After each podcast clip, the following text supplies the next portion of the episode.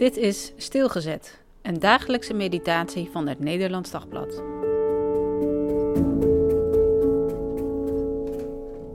Broers. 2 Samuel 3, vers 30. Joab en zijn broer Abisai vermoorden Abner dus, omdat hij hun broer Asael in de slag bij Gibeon had gedood. Hier horen we dat Abisai dus ook op de een of andere manier betrokken was bij de moord op Abner. Had Abisai de knechten van Abner daar in de poort op afstand gehouden? Had hij luidkeels zijn goedkeuring uitgeschreeuwd, zodat voorbijgangers niet durfden ingrijpen?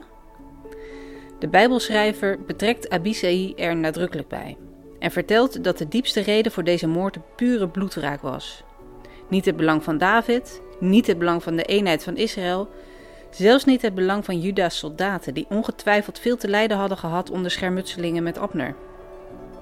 Alleen maar persoonlijke wraak. Joab en Abisai, twee broeders, die elkaar versterkten in hun wraakzucht, vanwege hun jongere broer, alsof dat broederschap mag heten.